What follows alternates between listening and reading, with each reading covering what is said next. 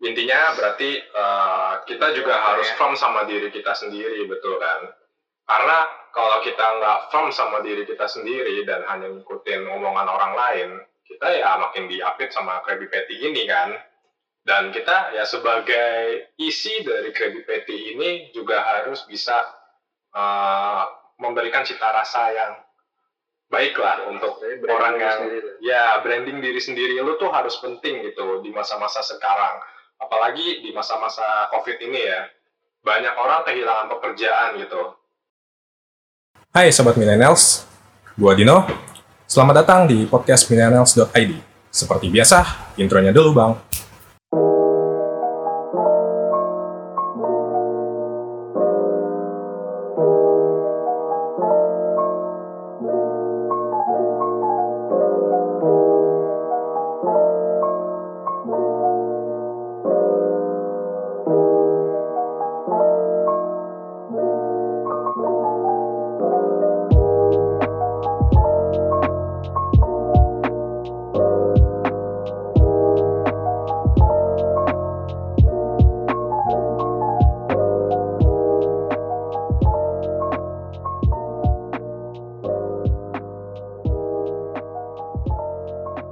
Alright, balik lagi di podcast millennials.id.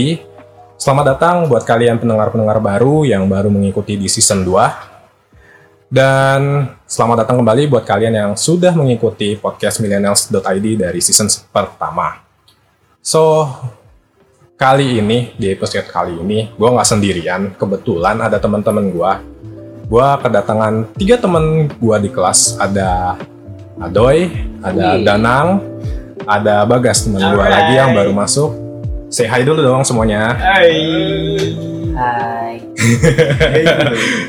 Mohon maaf ya teman-teman gue lagi pada malu-malu kucing nih di sini karena udah lama banget gue nggak ngomong ngobrol bareng diskusi sama teman-teman gue. Lagi pada ngefly. nggak nggak nggak nggak nggak nggak nggak ngefly. Oke. Okay ya cuman lagi pada nggak bener aja ini ngomonginnya. Tengah malam lah ya. Tengah malam lah ya, karena uh, FYI aja kita lagi nge-record ini tengah malam. Kalau udah keluar rilis ya kalian akan mendengarkannya di version-version jam-jam tertentu kalian. So, kali ini uh, ada sedikit bahasan yang menurut gua baru tahu nih, ternyata di generasi milenials itu ada sebuah sebutan yang sangat menarik untuk dibahas. Dan istilah itu kayaknya baru naik-naik sekarang ya, bener gak sih? Yes, baru mulai tren sekarang sih. Hmm, nah kira-kira apa aja sih?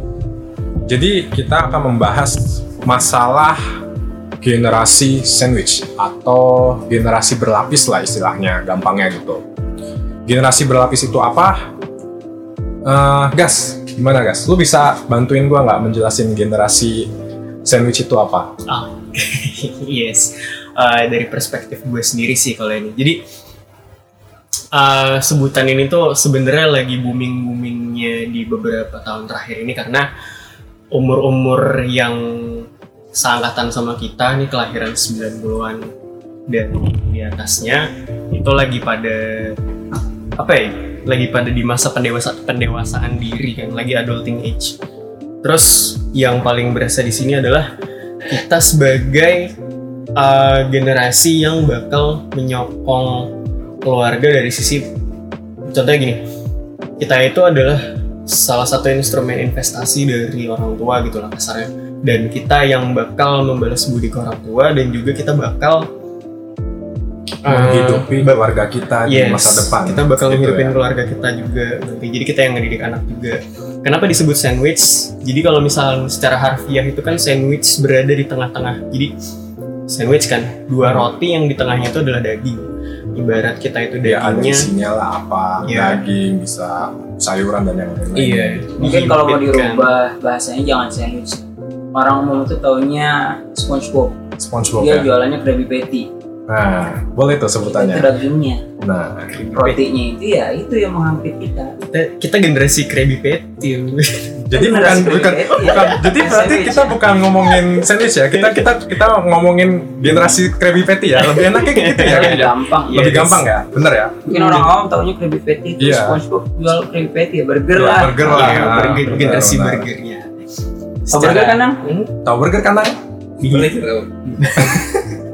So, gini ya, berarti kalau gue tangkap gambarannya generasi Krabby Patty atau generasi sandwich itu adalah generasi yang ada di antara orang tua kita dan nanti keluarga kita di masa depan. Bener gitu kan? Bener. Kalau misalkan kita ngerujuk ke dalam salah satu penelitian itu sebenarnya udah disebutin sama ini gue baca datanya itu dari Dorothy A. Miller itu pada 1981 itu untuk generasi sandwich. Jadi kalau di jurnalnya itu judulnya uh, The Sandwich Generation Adult Children of the Aging. Jadi uh, dideskripsiin sama si Dorothy-nya tuh generasi sandwich sebagai generasi orang dewasa yang harus menanggung hidup tidak hanya orang tua dan juga anak-anak mereka. Dan generasi sandwich ini rentan mengalami banyak tekanan karena mereka merupakan sumber utama penyokong hidup orang tua dan juga anak-anak mereka. Hmm, berarti istilahnya ya kita sebagai uh, generasi millennials nih, entah kita di millennials atas, apa awal atau di tengah atau di akhir, Iya. kita itu punya kewajiban yang pertama adalah mensupport orang tua kita. Itu pasti dong. Kita ya pasti harus selalu berbakti kepada orang tua kita sampai mereka tiada gitu kan. Terus juga nanti di future-nya kita juga harus menghidupi keluarga kita di depan yang akan kita berkeluarga dan bareng gitu. Nah, tapi kan eh, ini kan baru omongan dari orang-orang yang masih belum mau merit nih. Nah, kebetulan kan teman kita si Adi nih, Ado ini ada yang mau merit nih. Kayaknya berapa bulan lagi akan merit. Gimana Doi menurut lo sebagai generasi salah satu generasi millennials nih menanggapi hal ini? Yang bakal lebih dewasa duluan Iya. sih. yang lebih bakal lulus duluan deh. Next step-nya bak yang Next lebih dekat. gimana? Ya kalau gue sih karena sekarang gue di umur 24 ya dan itu menjelang ke quarter life crisis gue nih di tahun depan. Di tahun ini gue juga mencoba memberanikan diri untuk mempersunting seorang perempuan yang nantinya akan ikut di bawah naungan gue nih. Di sini gue juga sebagai kakak anak pertama di silsilah keluarga gue nih.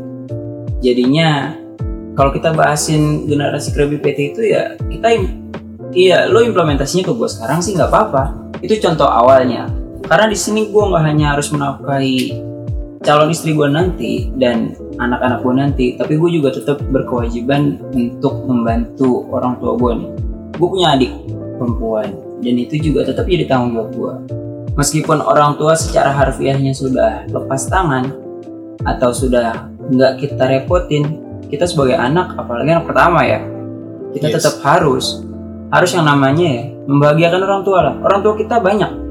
Kalau umumnya orang dan semuanya masih ada lengkap ya, itu kita akan tambahan dua orang tua baru, bokap nyokap yang baru, dan itu harus kita lakukan sebagai orang tua kita juga. Tapi semuanya ya balik lagi, sandwich generation itu eh, gimana kita nyikapinnya aja bro. Kalau kita enjoy, ya asik-asik aja. Karena kalau kalian mikirin itu dari rezeki yang akan nantinya habis ke sini ke situ, ya itu mah hitungan duniawi bos. Itu akan dicukupin kok. Ya kalau sekarang lu mikirnya dengan kalkulator manusia, kurang lah.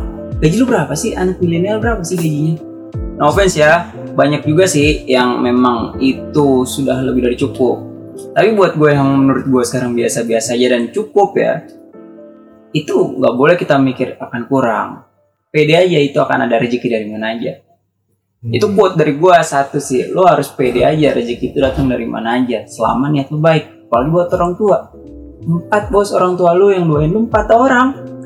betul, betul banget. Gerbang rezeki lu ditambahin empat. Nanti kalau lu punya istri, punya anak tambah banyak. Udahlah.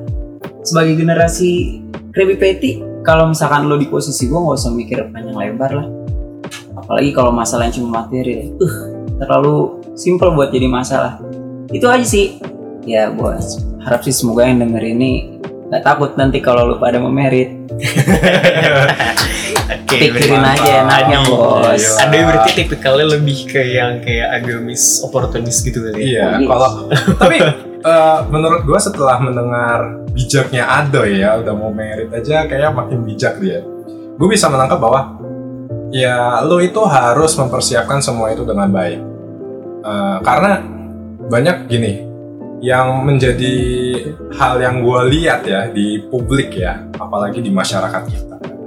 Generasi Krabby Patty ini tuh bukan cuma serta merta eh ya lo harus menghidupi dua keluarga gitu. Tapi eh, ah bukan sorry bukan dua keluarga tiga malah. Keluarga lu keluarga lu sendiri apa keluarga yang masa depan keluarga lu yang membesarkan lu dan keluarga dari orang tuanya si pasangan lu bener kan? Mertua lah ya. Mertuanya lu jadi ya lu harus balance gitu itu ibaratnya bukan Krabby Patty lagi Big Mac berlapis-lapis berlapis-lapis bener kan Oke. Ketenggo dong dong. Oke. Oke oke. Tapi intinya gitu. Yang menurut gua eh, pengen gue bahas adalah ya kita di masyarakat itu kan sekarang apalagi nih eh, generasi millennials itu belum banyak persiapan. Mereka tuh kagok banget gitu. Sekarang let's say harga saham pada naik dan berjatuhan, harga rumah pada naik dan naik terus, harga tanah setiap hari naik terus. Terus generasi millennials harus dipaksa untuk menyediakan itu semua untuk kebutuhan sehari-hari. Nah, berkaca dari hal-hal seperti itu ya, kita sebagai generasi millennials itu pantas gak sih kalau misalkan harus melakukan semua hal itu gitu? Menurut lo nih, Nang, gimana Nang? sebenarnya kalau misalkan dibilang pantas gak pantas itu jatuhnya jadi kayak tanggung jawab sih nah, lu istilahnya lu namanya hidup kalau cuma lu diem doang atau cuma mau enaknya doang sama aja Ya, jadi kalau bisa dibilang serba salah Hmm. lu mau ngikutin kemauan istilahnya kemauan lu atau kemauan orang sekitar lu yang istilahnya terus menerus ada terus tapi nggak sesuai dengan pendapatan lu atau lu ngambil cuma ya secukupnya aja dan bersyukur itu doang sih. Hmm, boleh, boleh, boleh. Intinya berarti eh, kita juga harus firm sama diri kita sendiri, betul kan? Karena kalau kita nggak firm sama diri kita sendiri dan hanya ngikutin omongan orang lain, kita ya makin diapit sama Krabby Patty ini kan. Dan kita ya sebagai isi dari Krabby Patty ini juga harus bisa eh, memberikan cita rasa yang baik lah untuk orang yang sendiri. ya branding diri sendiri lu tuh harus penting gitu di masa-masa sekarang. Apalagi di masa-masa covid ini ya. Banyak orang kehilangan pekerjaan gitu. Hampir separuh ya kayaknya hampir separuh bukan sih atau Apanya tuh? eh, banyak yang pengangguran itu kayaknya banyak ya. Berapa sih? Gua Oh, kan mungkin hitungan pastinya Hitungan sih gue nggak begitu merhatiin. Cuma juga sih ya. efeknya cuma lumayan efek lah. dominonya juga udah mulai berasa sampai sekarang. Apalagi kita generasi Krabby Patty ini tuh ya harus mikirin semuanya gitu. Lo harus melindungi orang tua lo. Lo juga harus apalagi yang mau merit udah harus mikirin keluarga masa depan lo. Dan lo juga harus mikirin nanti lo sendiri bagaimana nah kira-kira ada punya pendapat lain nggak selain dari masalah ekonomi ini gitu Kalau menurut gua sih generasi Krabby Patty kayak kita itu nggak melulu soal materi ya. hmm. Karena banyak juga yang anak-anak milenial kayak kita itu udah sukses juga dan mereka nggak materi. terbebani masalah materi. Nah, Jadi nggak cuma materi doang. Ini ada juga mental dan waktu. Gimana kita membaginya untuk keluarga kecil kita, untuk nantinya orang tua kita, untuk nanti mertua kita ke depannya. Jadi masalahnya juga di situ. Kalian kan nggak harus melulu di keluarga kecil kalian. Karena ada juga loh beberapa yang udah nantinya berkeluarga lupa, lupa pulang. Iya, kalau menurut gua sih janganlah kita jadi kayak kacang lupa sama kulitnya. Karena kalau nggak ada itu pun kita nggak jadi apa-apa bos. Tetap aja mau lu nanti udah punya keluarga sendiri, surga tetap di telapak kaki mak lu. Gimana dong? Tetap jadi orang tetap lu harus orang tua lu lah. Tapi ya bagi bagi waktu juga. Kalau misalkan ada yang timpang, ya pasti akan ada rasa cemburu. Karena di situ ya itu permainannya, permainan waktu sih. Gimana cara kita membagi dan membuat itu balance. kalau lo cowok kan lo akan jadi nahkoda lo harus bisa pinter-pinter atau pandai-pandai berlabuh. Berlabuh ke pelabuhan yang satu ke pelabuhan yang lain tapi nggak menyalahi jadwal dan aturan. Kalau perempuan ya berbijak lah. Kalau suami kalian nantinya itu kalian rasa bijak dan itu nggak perlu diperbaiki atau diarahkan silakan diikuti dengan sepenuh hati. Cuma kalau misalkan memang itu dirasa ada yang melenceng ya mbok salah nggak nggak ada salahnya kalian itu bantu arahkan sedikit sedikit karena kan tetap harfiahnya itu berkahnya suami eh salah kebalik berkahnya istri, itu ada di suami udah nggak di orang tua lagi itu kalau gue taunya sih gitu nggak tahu kalau ajaran agama Iya. kalian masing-masing gimana? perspektifnya. ya, perspektif dari agama masing-masing juga Yes. beda ya tapi uh, ada yang pengen gue potong sih tadi dari yang lo omongin itu dari Oi. Uh, kalau misalkan gini uh, kita ngomongin yang tadi istri ya. Bagaimana kalau misalkan uh, istrinya itu adalah sebagai ya kita nggak tahu lah apakah dia itu dipaksa untuk menikahi seseorang atau ya mungkin cowoknya juga nggak siap untuk menjadi orang tua apa nahkoda dari keluarganya. Lalu bagaimana dia nanti ke depannya akan menjadi generasi Krabby Patty ini gitu. Ya kita ngomong secara ya ha- halusnya aja lah. Kira-kira baik dan buruknya itu gimana gitu. Karena kan generasi Krabby Patty ini kan kita lihat tuh uh, generasi yang kayak kalau dilihat dari sekarang mereka udah pada buru-buru belum apa baru 25 aja udah kepengen merit gitu. Bener nggak sih? Lu pada ngeliatin nggak sih teman-teman kita udah pada merit gitu? Padahal kalau dari dilihat dari sisi psikologisnya sisi sifatnya aja masih kayak ya mohon maaf nih kalau bilang bangsat jayus dan yang macem-macemnya banyak gitu belum loh. dewasa belum dewasa secara sepenuhnya. Tapi eh kalau dibilang dewasa sih nggak ter- terlalu muluk-muluk harus dewasa dulu baru nikah ya. Kadang ada yang oh udah merasa siap secara materi dan yang lain-lain. Ya istilahnya dia udah siap firm gitu. Tapi ya langsung bukan aja. dewasa umur ya? Iya bukan dewasa umur. Jadi kayak ya walaupun umurnya masih muda tapi kadang ya ada aja yang kayak begitu. Karena dewasa parameter dari dewasa sendiri itu apa sih yang iya. masih kalau menurut gue sendiri sih agak abu-abu gitu dewasa itu dalam artian kalau di agama gue ya Hmm. itu eh, balik gitu. Ya udah akil balik lah ya. Udah bisa menentukan mana yang baik dan mana yang buruk. Tapi kalau misalkan eh, di kita sendiri nih dewasa dan dalam konteksnya ini ke pernikahan gitu kultur dari Indonesia itu umur 25 itu udah umur yang lagi matang-matangnya sih Hmm. secara yang Standar. gue lihat yes Iya standar umurnya kita 25 itu menikah ya. 25 dan 25 itu masih kayak apa ya kalau dari grafik karir sih lagi ya kalau yang gue rasain ya kalau gue sih di umur 23 sampai 25 tuh grafik karir tuh lagi berusaha buat nanjak dan ketika lo lagi berusaha nanjak itu ditambah dengan beban merit eh, lo bisa maintain buat terus naik atau bisa buat stabil aja itu udah keren Hmm. Kalau emang kalau istilahnya lu gak sanggup atau gak kuat lu fokusin dulu ke karir lu. Yes. Iya, karena kultur kita begitu sih karena apa ya menikah di umur 20-an itu adalah privilege yang nggak bisa semua orang dapat gitu loh. Hmm. dalam sebenarnya juga sih kalau kita bicara seperti itu ya trennya sekarang ini khususnya untuk perempuan kalau Iya. 25 itu. Karena menurut beberapa komunitas atau beberapa kelompok yang pernah gue dengar 25 itu kayaknya waktu yang matang untuk perempuan ya. Kalau laki-laki itu kan memang dari sisi produktivitas sampai 30an aja masih fine. Cuma kalau perempuan kan kalau udah menginjak angka 30 kan udah mulai danger mono- zone ya. Iya, danger zone-nya Dan- monopause dan yang lain-lainnya kan. Ah, ada ada hal seperti itu. Makanya kema ah, ke apa ke push untuk ada keinginan untuk nikah lah.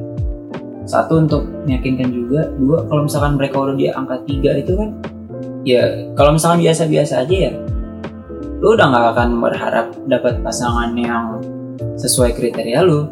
Apa jadi aja apa? yang kayak apa adanya gitu gitu, ya. kayak udahlah yang penting gua nikah gitu. Karena ini udah di angka eh Danger umur, gua udah di gitu. umur danger gua. Dan itu menjawab pertanyaan Aldina tadi.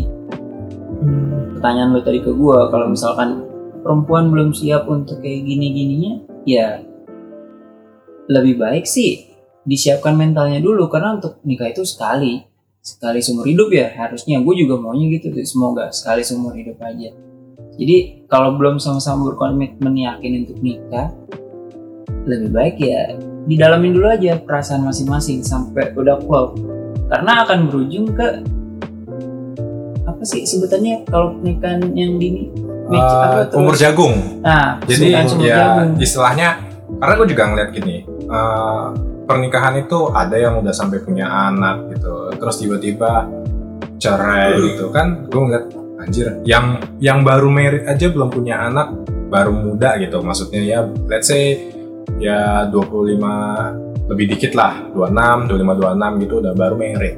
Iya. terus bener gak sih? Ya yang ini sih yang gue lihat lah dari yang nggak nggak jauh-jauh kita dari saudara gue juga ada gitu yang dia udah ada yang punya anak terus dia ya adalah ini si istrinya main lah atau si suaminya main lah. Ya itu ya ya belum belum dewasa. belum dewasa gitu. Maksud gue ya apalagi lu udah punya anak gitu. Hmm. kasihan gue sih sebagai orang yang mungkin dulu di tengah-tengah. Wah apaan tuh anjay aduh, aduh sorry Ada sorry. iklan sedikit. Wah, anjir, ada iklan sedikit sorry ya. Ya tadi sorry tadi sampai di mana? Eh, ya kan udah lu udah Ah. punya anak gitu. Terus ya gue sih kasihan sama anaknya. Apalagi anak itu adalah eh, kayak tadi Bagas bilang di awal. Bener nggak sih? Kalau anak itu kita kerja ya dari hasil kita Yes, jadi mendapatkan rezeki. Ah, jadi investasi. Jadi investasi ke masa depan. Terus ya orang tuanya malah jadi agak sedikit begini.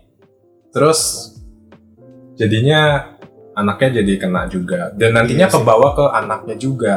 Jadinya kan generasi sandwich eh, generasi Krabby Patty slash sandwich ini akhirnya akan menjadi ya lu kualitasnya kayak franchise aja gitu.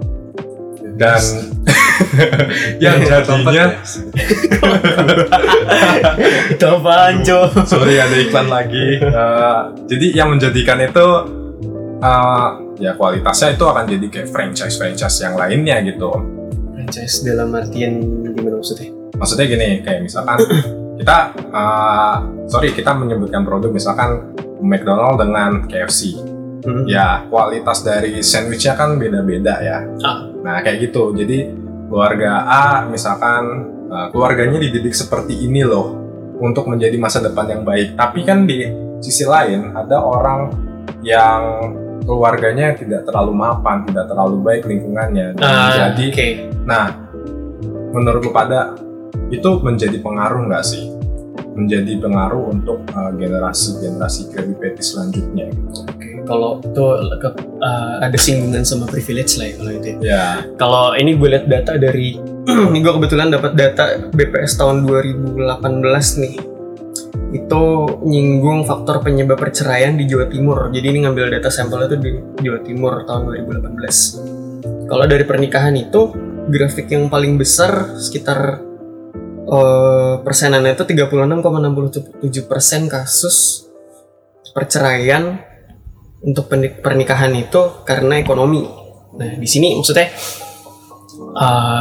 kebu- dari datanya itu rumah tangga dengan ekonomi yang tidak jelas atau tidak stabil itu kan ya goyah juga kan ya hmm, pasti Iyalah, goyah lah pasti goyang kalau kayak gitu Jangan- ah, kita nggak munafik nggak muluk-muluk karena ya we live with money gitu kan kita Iya. juga butuh uang apalagi di saat-saat gitu. ya kayak sekarang ini uh, keuangan juga menjadi hal yang penting Iya. gitu. Kita harus bertahan hidup dengan kondisi pandemi seperti ini dan juga kita harus menghidupi keluarga dan juga kita harus melindungi keluarga kita gitu. uh, biar realistiknya kan seperti itu. Jadi Iya. di sini yang gue lihat ada tiga, tiga, tiga penyebab yang lumayan besar nih. Yang pertama itu, uh, yang pertama itu pertengkaran 43,52 persen. Kalau di angka itu ada 38 ribu kasus pertengkaran. Jadi ini kayak oh, secara mental, belum siap Belum iya siap. secara mental belum siap nikah. belum klop Uh, entah itu karena banyak Ya Banyak banyak, faktor lah, juga sih dari internet. Terus yang kedua itu ekonomi tadi ada 32.000 kasus. Persenannya itu 36,67 persen. Terus yang ketiga itu eh meninggalkan salah satu pihak. Ya, let's say. Ya emang seperti itu. Seperti itulah. Gitu. Tapi kalau ditarik dari data di sini em, apa ya dewasa dan ekonomi yang stabil sih itu yang yang menjadi core buat berumah tangga sih. Nah yang tadi gue bilang kan di umur 20 dia di Di atas range 23 sampai 20-an lah. 25 gitu kan kita lagi menyusun karir. Kalau gue sih kalau gue kalau pandangan gue mungkin agak beda sama Adi. Kalau gue lebih mempersiapkan kira-kira nanti kalau gue nikah itu udah siap belum untuk pembiayaan ini segala macam. Kalau ya emang sih gue lebih planningannya lebih, Planningannya lebih lebih mementingkan planningan Iya, kalau Yes. Adi kan lebih kepada ya go with it gitu kan Hmm. bener gak sih gue gitu Ya, gue sih bilang kayak gitu karena ada yang nggak bisa gue sebutin di sini juga kan. yes yes, yes. Ya, itu perbedaan ada persepsi perbedaan lah ya persepsi lah, persepsi gitu. lah Nah, Persepsi. itulah sebetulnya kenapa gue bikin podcast ini karena kita punya persepsi masing-masing gitu. Iya. Bener Karena- dong. karena nggak semua yang diucap oleh satu orang itu bisa ditiru prok ya Iya, sama orang bener, lain. bener. Ada yang bisa kalian ambil hikmahnya, tapi banyak juga yang nggak bisa ki- kalian samakan ya. Karena tipikal orang buat approach orang lain itu beda. Tipikal orang buat approach kehidupan itu beda satu sama lain. Tapi pasti ada. There's a way for every person. Jadi setiap orang itu punya masing-masing jalannya. Udah kayak khotbah gue sebenarnya. Tapi memang itu. Tapi memang itu. Kayak yang tadi kita bahasin soal hubungan, soal materi, itu bumbu-bumbunya buat creativity kita. Gimana? Sekarang tinggal how to enjoy. How to enjoy that condition Hmm. and how to solve it and how to make everyone happy. Nah, itu aja sih. yes Kalau kita berkaca sama masalah terus ya nggak jadi-jadi, Bos. bener. Generasi kita emang ini Selalu menurut gue sih generasi ya. kita generasi hebat ya. Generasi Generasi yang nopang dua, nopang dua dua generasi gitu ya generasi, Generasi. lalu dan generasi ke depan Ya habis gimana ya? Kalau gue pribadi, gue punya adik yang sekarang udah SMP kelas 2 Kalau misalkan gue nggak fokus di karir gue sekarang, ngeboost dan maksimalin itu Adik gue nanti emang bisa, ada jaminan adik gue bisa Iya jadi orang bener atau enggak Paling nggak kan gue sebagai kakak dan anak tertua, gue harus membuatkan backup plan buat dia juga In case In case. kalau dia ada apa-apa Tapi semua mah berduanya untuk baik-baik aja ya aja. Kita kan prepare untuk sesuatu yang ya unexpected Worst case. something. Betul, buat worst case-nya Worst case. karena sebangsat-bangsatnya gue ini gue tetap kakak dan berusaha jadi kakak yang baik lah ya berusaha jadi kakak yang baik anak yang baik tetap kakak yang bertanggung jawab nanti akan semoga jadi suami yang bertanggung jawab dan anak tertua yang bertanggung jawab lah. Amin. Amin. ya Allah. Karena kalian boleh jadi bangsat atau jadi sebrengsek-brengseknya kalian tapi don't drag your parents lah.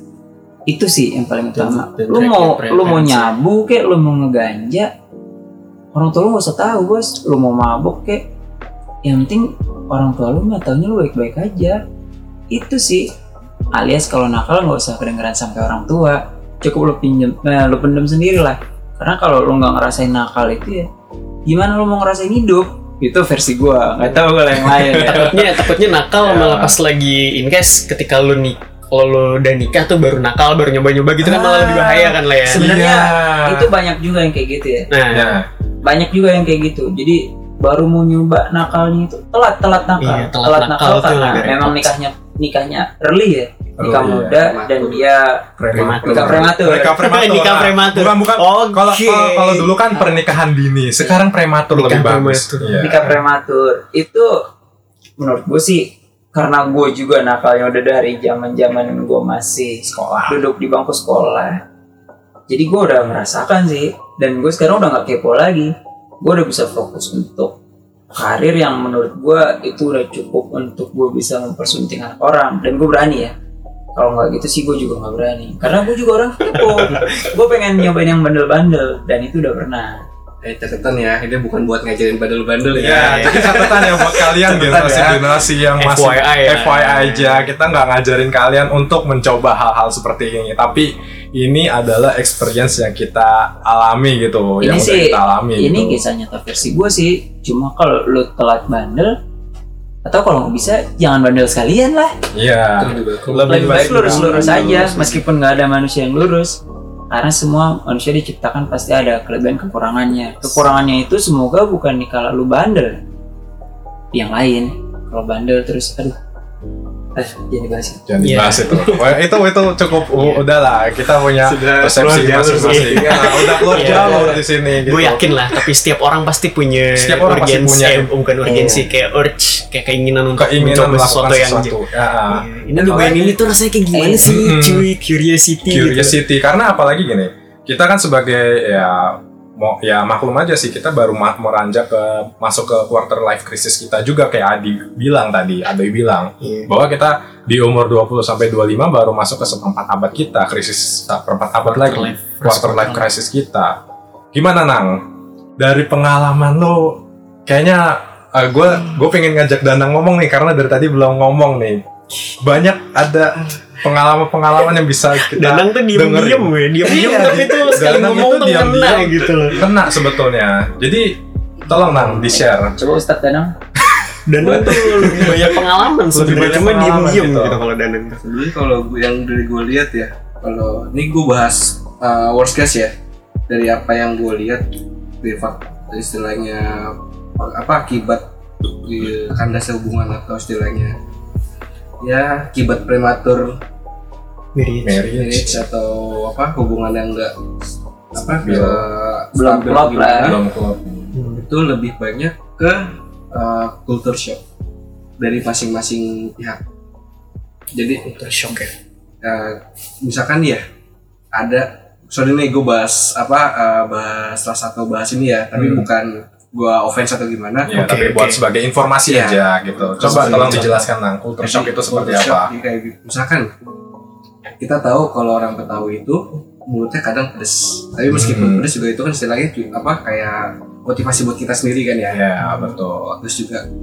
misalkan kita ketemu orang apa orang Sunda yang istilahnya halus. Oh iya. Hmm. Jawa juga halus. Jawa juga halus tapi benar ketika lu ketemu dengan kultur yang nggak sering lu lihat atau nggak sering lu rasain setiap hari itu bakal apa ya kayak misalkan yang tadinya lu adem-adem aja istilahnya lu biasa-biasa gitu, aja gitu ya. Hmm, apalagi terus- kalau lo ketemu sama orang Batak gitu lo nggak tahu logatnya gitu. Lo pasti kaget bener kan?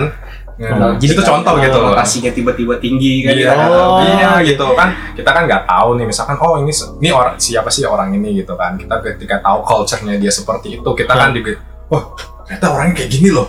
Kan Atau- ya kayak gitu kan. atau istilahnya kita ketemu orang timur maaf nih ya no offense ya. Iya, no istilahnya kalau kita apa ya kalau orang timur gue bilang matanya lebih tajam Tajam. lah Eh, dari dari dia seenggaknya tuh yang lu rasain lah yang Iya. matanya lebih tajam oh atau istilahnya uh, banyak orang yang istilahnya ngomong ngomongin orang Hmm. atau istilahnya nyindir kan kita nggak tahu ya masing-masing betul. yang gue lihat kayak gitu Hmm. jadi mereka nggak kuat dengan ya kulturnya masing-masing keluarga masing-masing pihaknya gimana akhirnya kandas Hmm. itu yang gue lihat Iya. Oh jadi maksudnya poin lu uh, kayak uh, udah prematur Dari marriage awal gitu. dari awal juga dan dari misalkan ya itu kan mix mix apa sih mix culture ya kayak, Mix culture kayak dari banget suku gitu. Jawa sama uh, dari orang timur misalkan ambil sampel orang orang mana nih?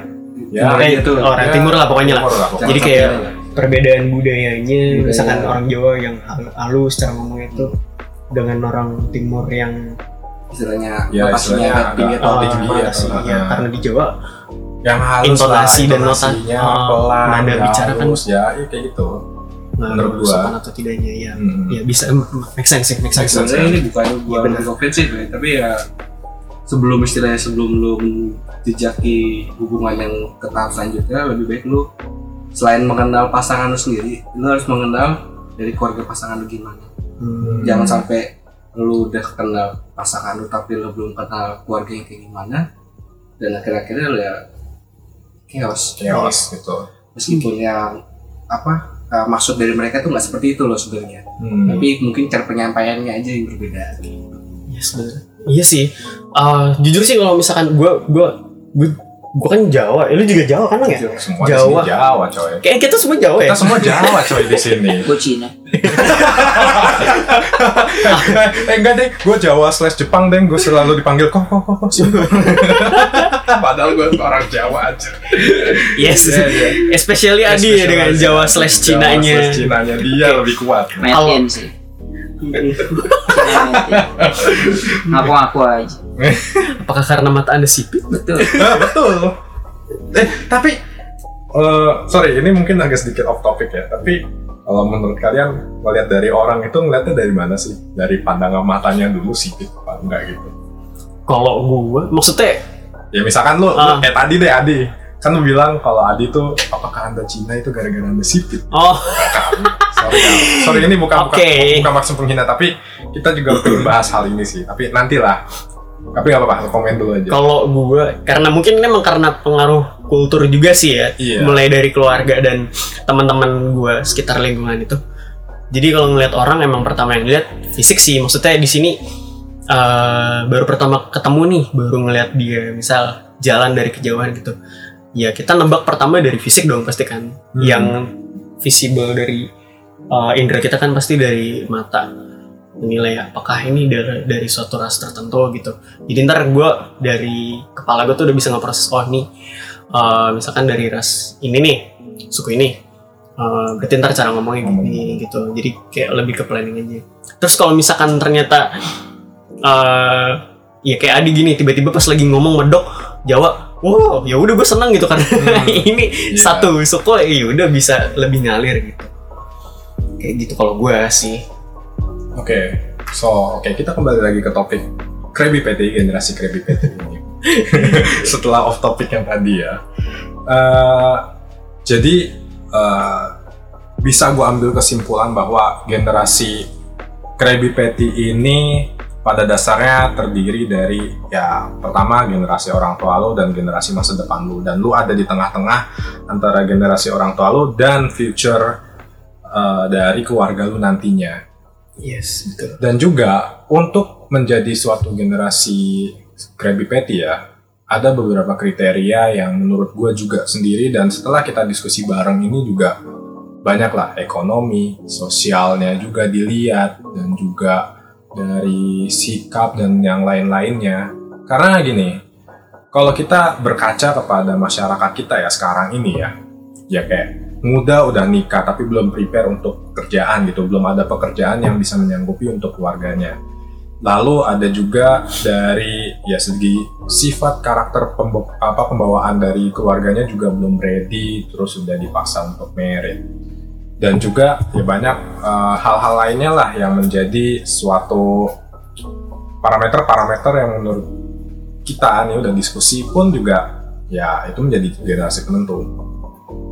So kira-kira sebelum gua tutup nih ada yang mau ditambahin nggak nih dari Adoy, Bagas atau Danang nih? Kalau Atau ada nasihat-nasihat lah buat generasi-generasi sandwich yang lagi struggle nih dan nge-firm mereka untuk biar oh gua harus bisa prepare ini dan itu loh gitu. kalau dari mau siapa dulu? Adi dulu. Bebas. Apa deh Adi dulu? Ya kalau menurut gue sih di kondisi sekarang kalau lu belum planning untuk merit dan lu masih mau fokusin untuk di karir lu fokusin lah. Itu kan juga untuk menjaga ya, menjaga dari sisi ekonomi. Yang kedua, kalau setelah lu dari ekonomi lu merasa udah mapan atau kerjaan lu udah settle, cobalah bersosialisasi yang baik. Cari pasangan yang nantinya akan bisa menggiring lu ke arah yang lebih baik. Setelah itu baru berkomitmen itu akan masuk ke fase selanjutnya. Setelah itu berkeluargalah dan pintar-pintarlah membagi waktu. Itu aja sih. Kalau dari situ udah oke ya, lu mau dibilang generasi sandwich, generasi Krabby Patty pun doesn't matter lah. Orang lu enjoy kok ngejalaninnya. Mau gimana pasti harus enjoy. Kalau lu udah enjoy ngejalanin apa pun, wah No isu bro, ada sih isu bohong pasti ada. Tetap aja. Jadi selalu ekspektasi ada problem ya dalam kehidupan lu nggak bisa semerta-merta. Kudu "Eh, wajib ada problem sih. This is buka ini ini ya kehidupan kita bukan cerita princess Disney ya yang selalu ada happy endingnya, selalu ada bad ending dan yang lain-lainnya. Oke, siapa lagi nih? Danang, Danang. Danang, Danang. Ayo dong. Ah, gua nih ngajak Danang sebetulnya Dan ngajak diam-diam ngobrol. mas kalau sekalinya ngomong. Ayo Nang. Danang lagi lemes sih. Iya nih. Kurang kopi ya penang. Kurang kopi. Aduh. Double shot Aja. di sini lah. Kurang saja. Sesuai. Gue bilang tadi sih lebih ke apa mengenali dari masing-masing keluarga aja itu yang pertama. Terus yang kedua mungkin dari sisi ekonomi ya mungkin kalau ada yang bilang jalanin aja lah rezeki kayak mungkin ada Hmm. tapi kalau gue bilang oke lu berpikiran seperti itu boleh tapi jangan sampai istilahnya apa ya lu uh, bela-belain buat apa ngadain dana untuk modal nikah atau persiapan ke depannya tapi malah lu ngorbanin uh, kondisi lu saat ini istilahnya lu sampai sana sini Oh, lu Iya, sampai istilahnya juga orang tua itu jangan sampai Hmm. Yes. karena iya betul. lu pernikahan lu cuma sehari sedangkan lu hidup nggak mungkin cuma sehari kan pasti ada terus Ah, Betul. Waduh. bener kan gue bilang Danang tuh diem dari tadi terus kalau ngomong diam-diam emas. ternyata di akhir-akhir wah, Memang benar. sekali. Benar sekali. Ya, emang Intinya itu ya. Dana. Dananya intinya janganlah kalian berkorban untuk orang yang salah. Uh, Kok dalam ya? uh, dalam ya. Aduh, dalam ya. Au, au, au. uh. Jadi tolong diingat baik-baik ya. Eh, ja- jangan menjadikan sesuatu itu terlalu mudah lah gitu. So, terakhir Gas, gimana Gas? Oke. Belum gua tutup nih. Gue agak lumayan ada briefing yang sedikit sih. Hmm. Milenial itu kalau menurut data dari BPS itu sekitar eh, ada 60 di ini tahun 2019 ya. Hmm. Gue dapat dari buku IDN Times. Itu judulnya Generasi Eksplorasi.